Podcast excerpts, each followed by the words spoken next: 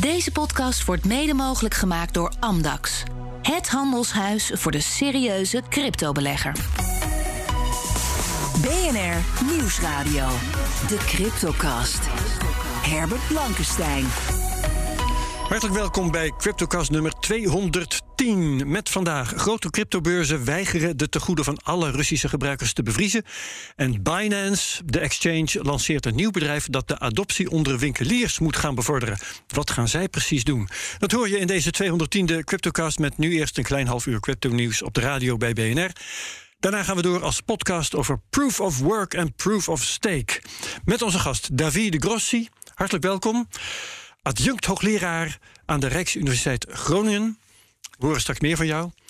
En co-host is vandaag Krijn Soeterman, cryptojournalist en auteur van de Crypto-encyclopedie, een nieuw boek dat op stapel staat. Hallo Klopt. Ja, hoi. Kunnen we straks misschien ook nog kort over hebben. Uh, wij geven geen beleggingsadvies. Vorm je eigen mening, maak je eigen keuzes. Geef ons niet de schuld als het misgaat. Crypto kan lucratief zijn, maar is ook riskant. Goed, de grote cryptobeurzen, Krijn, ik kijk jou maar eh, eerst even aan. Die kiezen ervoor om niet alle Russische klanten de toegang tot de crypto-wereld te ontzeggen. Coinbase onder andere heeft dat bekendgemaakt. Van, uh, wij gaan dus niet gewoon alle Russen blokkeren. Hebben we geen zin in, um, ondanks het feit dat verschillende instanties daartoe oproepen. Het is dus niet een verplichting in het kader van de sancties, maar er wordt eigenlijk een soort moreel beroep gedaan op die exchanges om dat toch te doen.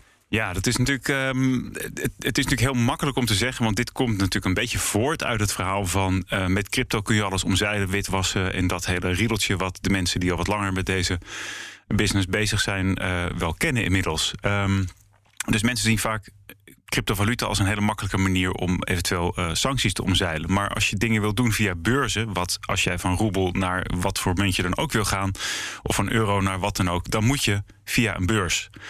En vrijwel alle beurzen, zeker in, bijvoorbeeld in, in, in alle westerse landen, maar ook in, in Rusland, ik bedoel, overal wordt gecontroleerd. Dus alles wordt gevolgd. Uh, en waarschijnlijk op veel, nog op veel uh, betere manier, op veel grotere schaal dan bij banken. Het kan veel preciezer. Je kunt namelijk, zoals je weet, een blockchain kan alles. Daar, daarin wordt alles bijgehouden. Dus als ik iets vanaf een eigen wallet overmaak naar een beurs dan weet je zeker, uh, dan, en dat komt op mijn naam op die beurs terecht, dan mhm. weet je dat dat op een bepaalde manier aan mij gelinkt is. Nou, dan kun je natuurlijk een enorm uh, netwerk gaan volgen van waar al die betalingen ooit geweest zijn. Dus in die zin. Um, er zijn gewoon al zoveel mogelijkheden binnen cryptovaluta om iets te volgen. Uh, ja, het is natuurlijk gemakkelijk om te zeggen dat het dus uh, fout is. En een van de dingen is natuurlijk van de mensen die al niet mogen handelen, zeg maar die op sanctielijsten staan. Van, uh, die zijn wel geblokkeerd. Die zijn Coinbase bijvoorbeeld blokkeert 25.000 Russische adressen. Ja, maar daarvan kon ik ook niet helemaal achterhalen of er dan, dan toch maar even alle Russische adressen zijn. Of dat het 25.000. Uh, ik denk niet dat Coinbase maar 25.000 Russische klanten heeft. Dat, dat denk ik ook niet, maar dat, dat, ja, dat kan ik natuurlijk dat kan ik niet achterhalen. Nee. Um, maar um, de gedachte is natuurlijk, uh, je wilt helemaal de kraan naar Rusland dichtdraaien. Microsoft ja. doet dat bijvoorbeeld. Hè. Die trekt zich gewoon helemaal terug uit Rusland. Dat uh, kost hun business. Ja. Uh, het is voor sommige Russen ook best wel vervelend. Hè. Ja. Je wilt een of ander stuk Microsoft software hebben. Gewoon voor je werk of uh, voor je entertainment. Uh, en dat kun je dan niet meer krijgen. Vervelend voor de gewone Rus. Ja, um, ja moet je dat eigenlijk goed vinden van Microsoft? Of moeten ze niet zo streng in de leer zijn? Wat vind jij dan? Ja, dat is natuurlijk een, dat is, dat is zo'n complex systeem. Ik bedoel, stel je voor, je bent uh, journalist in Rusland en je wil nog iets weten wat er gebeurt in je eigen land. Dan moet je dus gebruik maken van kanalen die buiten Rusland vandaan komen. Dan heb je een VPN nodig waarschijnlijk, al dat soort dingen. Hoe kom je daar aan? Weet je, er zijn zoveel kanten aan dit hele conflict waarbij je waarbij de echt grote geldstromen, die gaan, die gaan echt niet via die cryptohandel op dit moment. Daar is nee. überhaupt die hele liquiditeit veel te klein voor. Dat, nee. Ja. Mag ik het even aan Davide Grossi uh, voorleggen? Wat ja. vind jij van deze problematiek? Moeten uh, bijvoorbeeld cryptobeurzen heel Rusland blokkeren of alleen uh, zo precies mogelijk mensen die op de sanctielijsten staan, bedrijven die daarop staan? Ja, ik vind dat een, hele moeilijke vraag. Uh, zoals Krijn zei, het is een uh, extreem complexe situatie. En uh, um, ja, uiteindelijk de, de logica achter deze sanctie is om zoveel mogelijk drukte uit te, oefenen op de Russische regering. zodat, ja, de, zodat de oorlog, dat er genoeg binnenlandse problemen ontstaan dat het oorlog voeren in Oekraïne dan moeilijker wordt. maar ja, de vraag is of. Um, uh, deze maatregelen daadwerkelijk dat, dat, doel, dat doel gaan bevorderen. En uh, dat, ja. dat, dat durf ik niet te zeggen. Het is nee. moeilijk. Ja. ja. Als je nou gewoon Rus bent, Krijn, dan heb je in crypto. nou, gewoon Rus staat niet op de sanctielijst. Hè? Laten nee. we daar even vanuit gaan. Je, je, bent iemand die niet op de sanctielijst. je kunt dan wel je roebels nog in veiligheid brengen door ze snel in bitcoin om te wisselen. Dus um, als, als Coinbase iedereen maar gaat blokkeren, dan sla je Russen een, een wapen uit handen ja. om hun geld nog een beetje in veiligheid te brengen. Ja, zo klinkt het wel een beetje. Aan de andere kant, wat Davide ook zegt, je wil bij, een, bij zo'n conflict, bij zo'n oorlog, wil je natuurlijk zorgen dat iedereen ook weer boos doet op de eigen uh, chef, in dit geval Poetin. Ja, uh, ja waarbij je ook weer kunt afvragen, heeft dat het effect? Waarschijnlijk want, niet, want nu word je nee. voor 15 jaar opgesloten als je überhaupt iets verkeerd zegt. Dus. Uh, dat ook, maar als je als um, Rus opeens niet meer bij Coinbase binnen kunt komen, weet ik niet of je boos wordt op Poetin of misschien toch weer op heel ja. iemand anders. Ja, dat ik. ik moet, ik moet je gaat er niet met je hooivorken naar, uh, naar, naar, naar Moskou op marcheren. Nee, daar heb ik, daar heb ik geen antwoord op. Maar ik, ik, nee. ik, denk dat op dit moment iedereen op heel veel andere dingen boos is. Uh, en ik denk dat dit vooral weer zo. Ja, het voelt een beetje symbolisch. Uh, en dat is ook de discussie die je veel op Twitter zag en op andere plekken. Dat het, ja, de, wat is precies je doel? En um, ja. ja. Het zou, en dat doel zou je, ik ga eventjes uh, iets bedenken en, en, jou dat voorleggen. Um, je wilt misschien vooral mensen in de omgeving van Poetin treffen. Ja. Dus die oligarchen bijvoorbeeld. Uh, maar die staan waarschijnlijk al op die sanctielijsten. Om ervoor te zorgen dat zij dan met hun invloed op Poetin. Maar als je echt grote daar... bedragen wil, wil omwisselen. Nou ja, dat gaat helemaal niet. Dat ziet iedereen direct. Nou, ik denk eigenlijk juist als je miljardair bent en veel geld hebt, dat dan je wel andere wegen. manieren weet te vinden. Ja, dan heb je die hele bitcoins hebben andere dingen niet nodig. Nee, waarschijnlijk niet. Nee, dus uh, ja, ik denk da daar zijn die boten voor gebruikt die nu bij de Malediven liggen en zo. ja, precies. Nou ja, die worden tenminste wel weer tegengehouden. Die zijn vrij goed uh, te onderscheiden in, het, in, het, grote schema. Nou, oké. Okay. Um, laten we maar eens even kijken wat uh, Bert te zeggen heeft. Bert Slachter, analist bij de digitale nieuwsbrief Bitcoin Alpha over uh, deze zaken, maar vooral ook over de prijsbewegingen. Bert, welkom in de uitzending. Goeiedag, hallo. Uh, laten we het hebben over de prijzen. De bitcoin uh, op dit moment staat op rond de 38.000. Um, als ik het zo zie, dan is de zijwaartse beweging... waar jij het al weken over hebt, is gewoon zich aan het voortzetten. Ja, dat klopt. Ja, de koers is nu bijna 39.000 dollar. En dat is ook grappig genoeg de, een beetje het midden van de range waar we in zitten. Die, Wat is die range ook weer, even snel? Ja, van, van laten we zeggen uh, 35.000 naar 46.000. Dus okay. dit zit daar zeg maar 10% naar boven, 10% naar onder. Ja. Dan zitten we nu een beetje in het midden. En dus de koers was op 28 en 21 februari ook 39.000 dollar. En op 31 en 26 en 21 januari ook. En dus als je een beetje terugkijkt, dan, dan, dan is dat inderdaad vooral zijwaarts. En dat is natuurlijk best bijzonder, gezien de, uh, de oorlog en de gevolgen daarvan voor de financiële markten en de reële economie. Dus um, wat dat betreft uh, hadden velen, denk ik, veel meer vuurwerk verwacht. Ja, um, korte termijn is uh, een week geleden hadden we net een mooie winst geboekt. Hè? Was er een mooie groene candle ontstaan. Um, die is weer helemaal ingezakt. Wat uh, uh, heeft dat te maken met de, de Oekraïne-situatie? Ja, ik, wat daar precies dan aan ten grondslag ligt, is moeilijk te zeggen. Um, en eigenlijk volgt bitcoin hè, en volgen de, de, de cryptomarkten... Die, die gaan eigenlijk een beetje mee in de golfslag van de, van de rest van de financiële markten. Uh, dus dus um, die, bewegen nu allemaal gewoon met elkaar mee, ook met de gebeurtenissen zoals ze zich ontwikkelen. Hè, ook in, uh, in Oekraïne. Um, en ja, daar gebeuren eigenlijk dagelijks nu uh, dingen die we voor deze oorlog niet voor mogelijk hadden gehouden. Hè. Dus de, de snelheid waarmee de olieprijs en de gasprijs en de prijs van kolen ja, stijgt. De, de, de, de, voedsel, voedselprijs, ja. tarwe inderdaad, en, en andere grondstoffen. Nikkel, gisteren 70% duurder. Uh, echt bizarre ontwikkelingen. Hè. Dus de roebel die nu 40, 50% kwijt is. Bitcoin heeft een all-time high neergezet afgelopen dagen in roebels. Oh, dat is bijzonder. Ja, dus dat, ja, toch, nog, ja. toch nog een all-time high.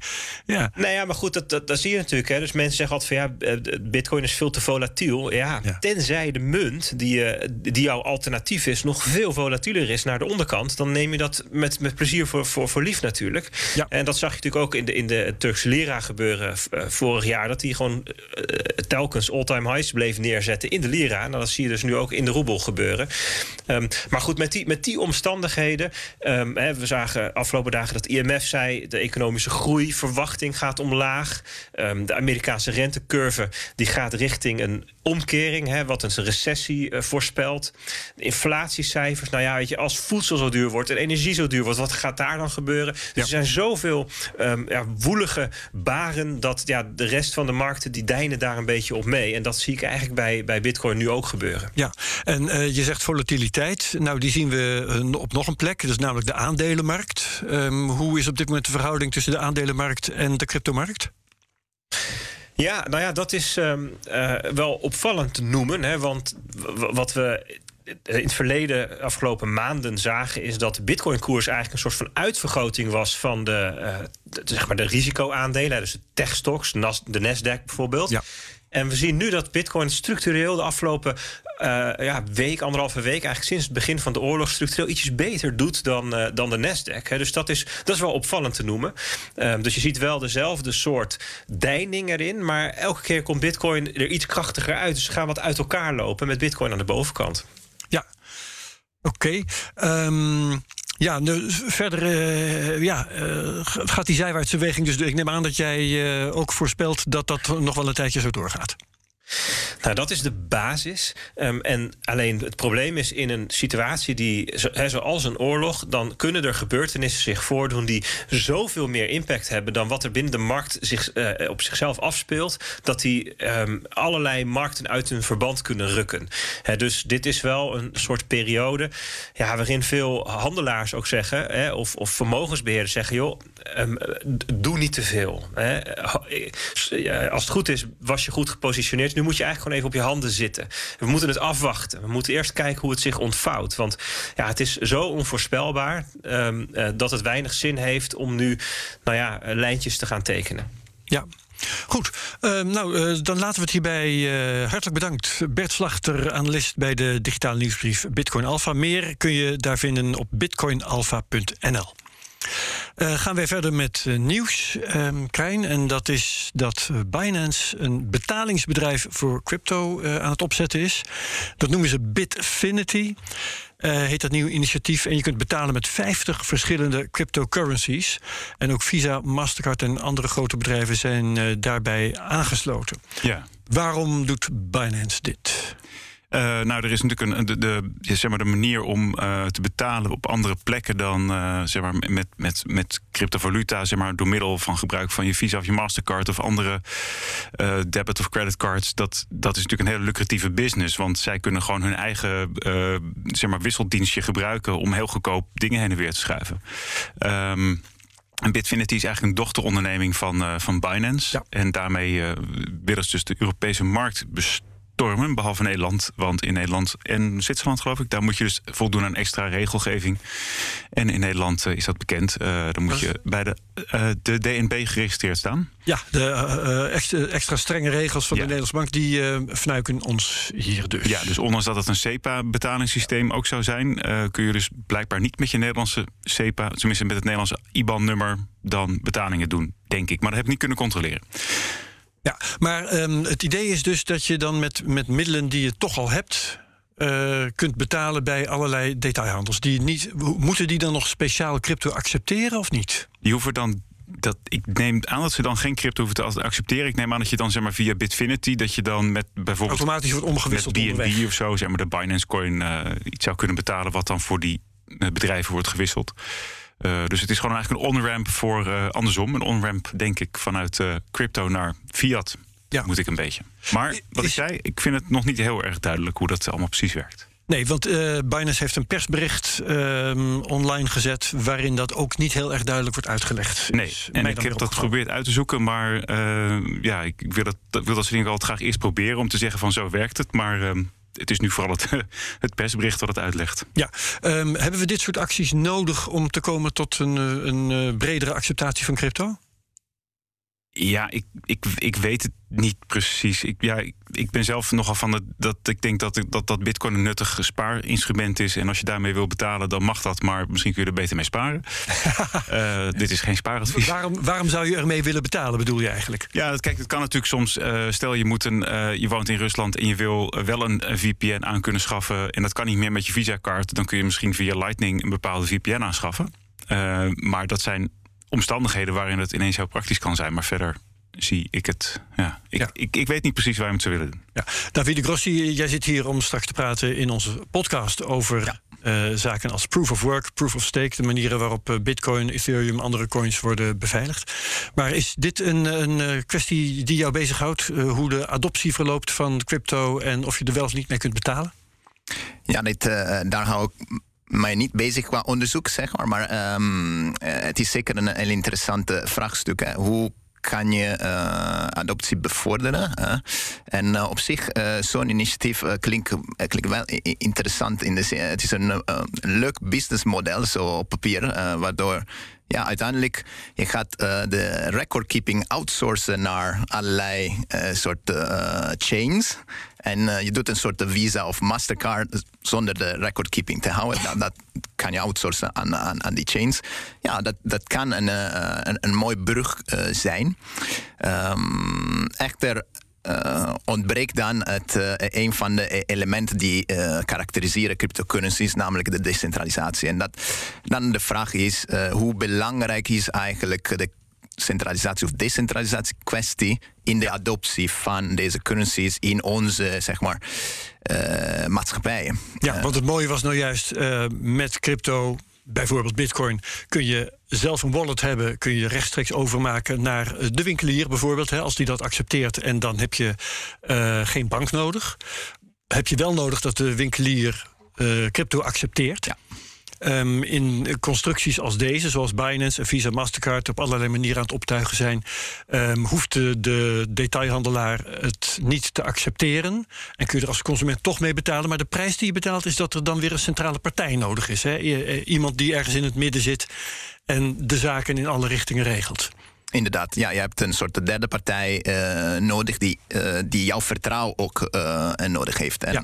En dat vind jij een nadeel, want je kunt het ook zien als een voordeel, namelijk het versnelt de mogelijkheid om je crypto ook werkelijk te gebruiken. Ja, ik zie dat niet noodzakelijkerwijs als een nadeel. Ik denk dat, uh, kijk, decentralisatie wordt uh, uh, belangrijker in de mate dat, dat sterke instituties beginnen te falen. Dus, nou, we hadden het, het, voorbeeld van Rusland net. Nou, in zo'n situatie, centrale instituties falen in de zin dat die worden buitengesloten van de financiële markten, dan hebben heeft in principe een burger een optie hè, om uh, cryptocurrencies te gebruiken om juist bij een WPM te komen. We zagen dat ook gebeuren in andere landen zo, die getroffen zijn door sancties zoals Iran. Uh, daar heeft ja, het gebruik van cryptocurrencies wel mogelijk gemaakt voor burgers. toch om toegang te krijgen tot ja, een betalingmethode die eigenlijk die over de grens kan gaan.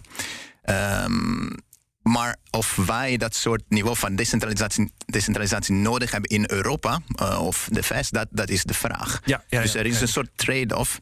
En uh, ja, ik denk dat juist de, uh, de, de, sweet spot in deze trade-off, dat is het interessante vraag. Ja. Vind jij. Um...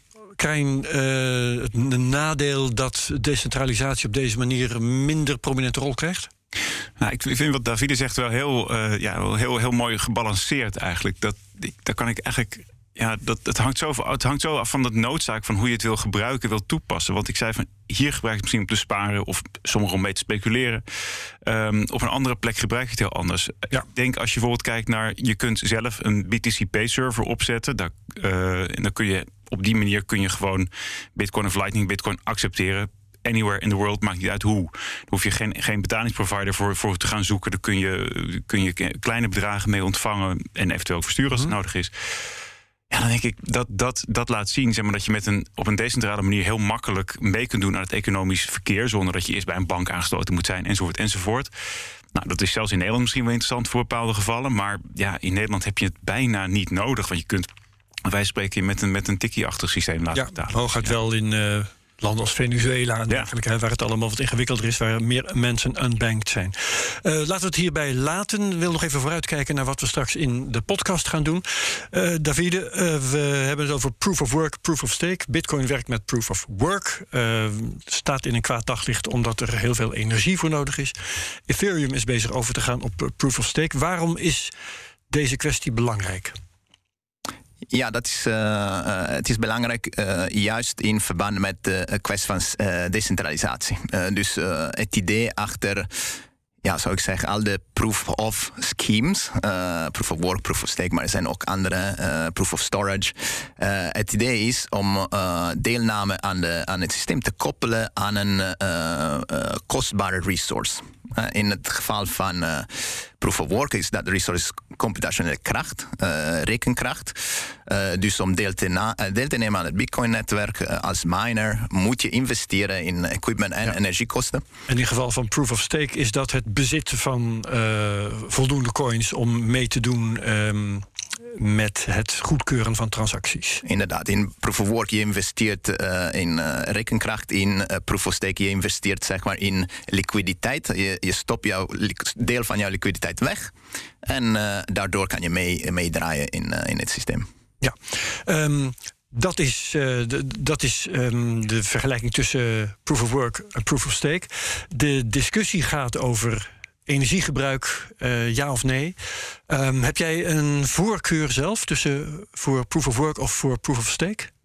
Dat is een moeilijke vraag. Uh, ik heb een, een, een, een, voorkeur zeg maar, voor proof of stake in de zin dat het een uh, misschien complexere, moeilijker te bereiken, uh, moeilijker te implementeren systeem is. En dat, dus dat kan een onderzoeker. Meer een uitdaging. Goed, ja, meer een uitdaging, inderdaad. Ja, en, maar werkt het ook beter?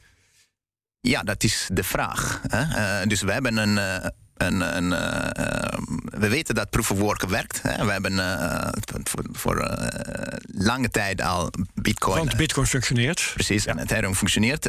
voor proof of stake er zijn natuurlijk um, chains die het systeem, alle protocollen die het systeem implementeren. En de vraag, maar natuurlijk niet op de schaal van Bitcoin en Ethereum. Ja, oké. Daar gaan we het in de podcast straks uitgebreid over hebben. Voor dit moment bedankt, Davide Grossi. Um, ook dank aan Krijn Soeterman. Jij was mijn co-host gedurende deze radio-uitzending. We zetten het gesprek voort in de podcast. Wie meegaat dus heel graag tot straks. Wie nu afhaakt, bedankt. Ook goed en heel graag tot de volgende keer bij de Cryptocast op BNR. Deze podcast wordt mede mogelijk gemaakt door Amdax. Het handelshuis voor de serieuze cryptobelegger.